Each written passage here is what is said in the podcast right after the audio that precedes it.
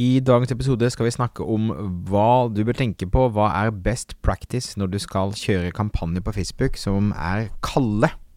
Og hva er en kald kampanje egentlig?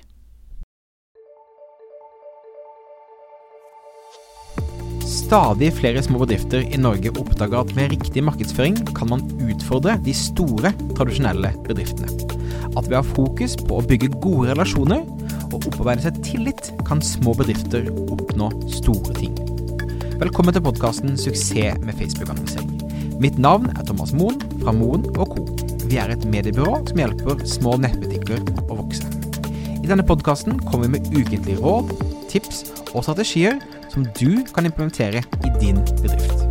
Om du er helt ny på annonsering, kan du komme i gang ved å gå til moenco.no start for vårt gratis introduksjonskurs. Hjertelig velkommen tilbake til en ny episode. Iskaldt ute, varmt inne. Jeg har fått sånn diffuser som, som uh, lager sånn god, uh, harmonisk uh, lukt rundt meg. Så jeg føler jeg sitter i et spa i dag, og det er deilig når man fryser litt. Grann.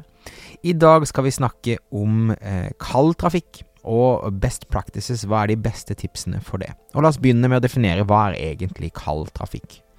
Kald trafikk er når du kjører ut annonser til folk som ikke kjenner til deg fra før av. De har ikke vært på nettsiden din, de har ikke likt noe der du eh, har gjort tidligere.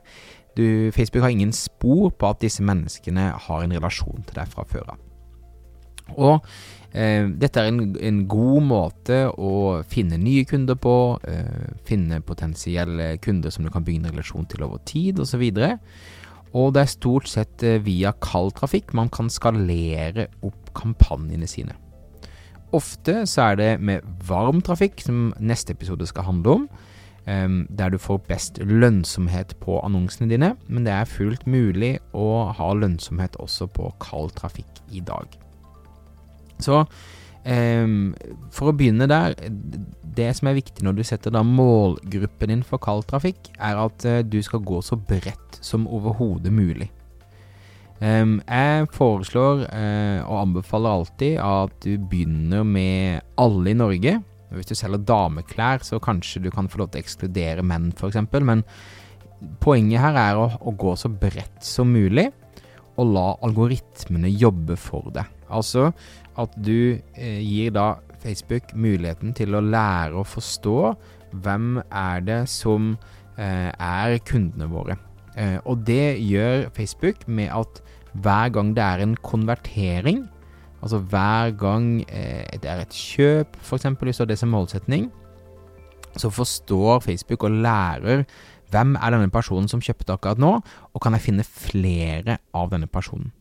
Og jo større publikum den har å velge mellom, jo enklere er det for Facebook å finne da de riktige folkene. Så la algoritmen jobbe for deg, ikke bruk for mye tid og fokus på å være smart med de skal kun like den og den nettsiden, eller lese det, det magasinet osv.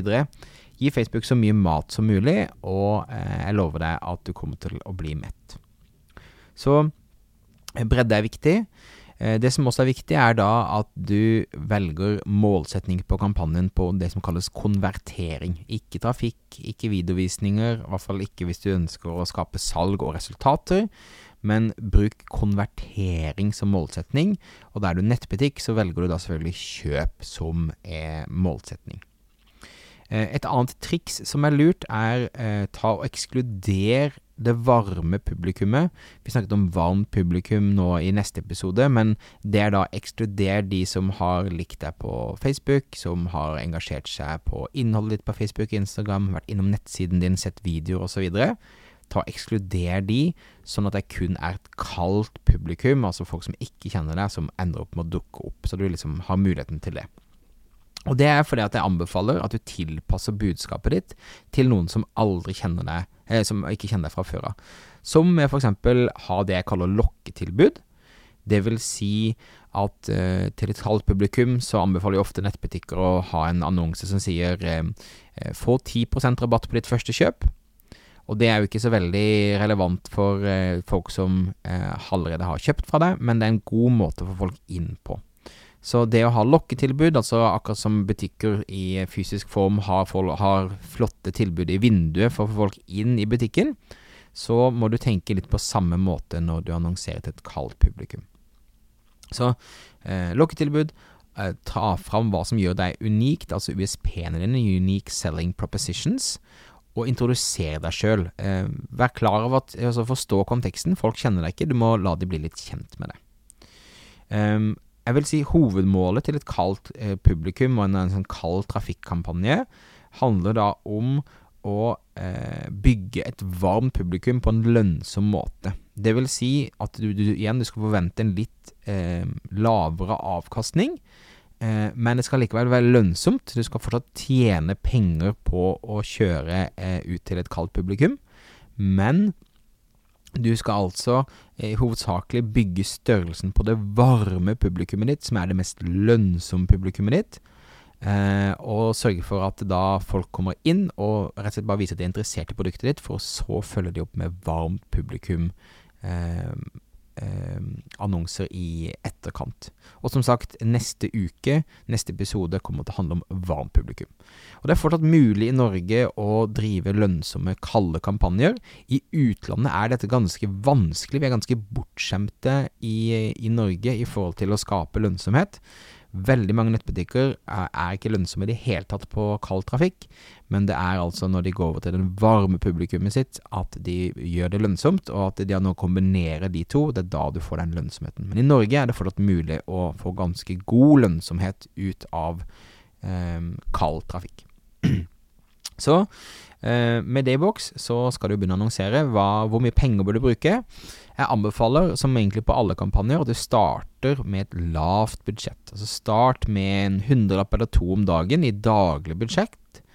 Og så lenge du når da avkastningsmålene dine, altså når målene dine, så øker du da det daglige budsjettet med 20 hver tredje dag. Når du ikke målene dine, så reduserer du budsjettet med 20 hver tredje dag. Også når du kommer ned på rundt en hundrelapp, så vil jeg holde det der stabilt. Um, det er lurt da å AB-teste annonser, altså forskjellige typer budskap. Det er viktig for å igjen passe på lønnsomhet og den type ting. Um, på sikt så kan du også splitte opp i flere annonsesett, med da f.eks. lookalikes, som også da lookalikes er de som har kjøpt, eh, eller det jeg kaller superannonsesett, der du Eh, der du rett og slett bare ser i dataen hvem er den beste kjønnet, det beste alderen, det beste området eh, som handler av det, og så lager du et annonsesett bare basert på det. Så styrer du etter avkastning, altså det som kalles ROAS. Det vil si du optimaliserer basert på det, ikke på klikkpris eller volum eller noen ting, men uh, avkastning. Og vær tålmodig.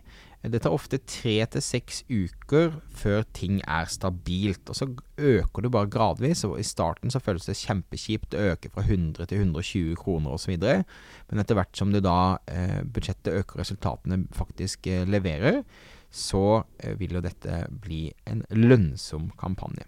Så det var mine beste tips, my best practices for eh, et kaldt publikum. Masse lykke til. Tusen takk for at du lytta på. Om du ikke allerede gjør det, husk å abonnere i podkastappen din eh, på podkasten her, så får du med deg framtidige episoder. Driver du nettbutikk og ønsker å vokse, kan du lære mer om hvordan vi kan hjelpe deg på moen.no annonsering. moenco.no annonsering. Mitt navn er Thomas Moen. Vi høres igjen neste uke for en ny episode av Suksess med Facebook-annonsering. Ha det fint!